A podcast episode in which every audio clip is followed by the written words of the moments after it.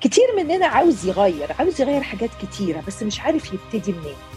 أول خطوة في طريق التغيير بتكون عن طريق شرارة بتتخلق جوانا.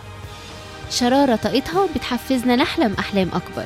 شرارة بقوتها بتساعدنا نختار الشجاعة على الخوف. شرارة بنورها هنشوف الفرص بوضوح مش بس هنشوف المشكلة فين.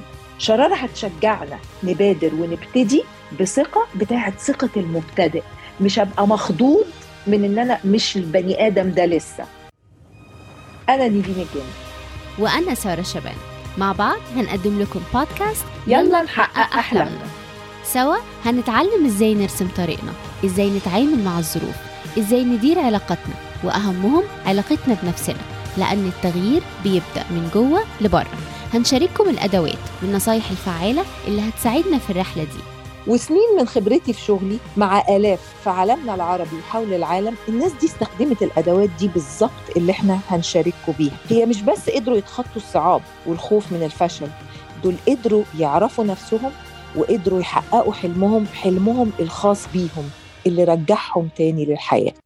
ما تنسوش تعملوا سبسكرايب عشان ما يفوتكمش الحلقة كل أسبوع. ويلا نستعد ننوي إننا نقدر ونبدأ الرحلة الممتعة دي سوا.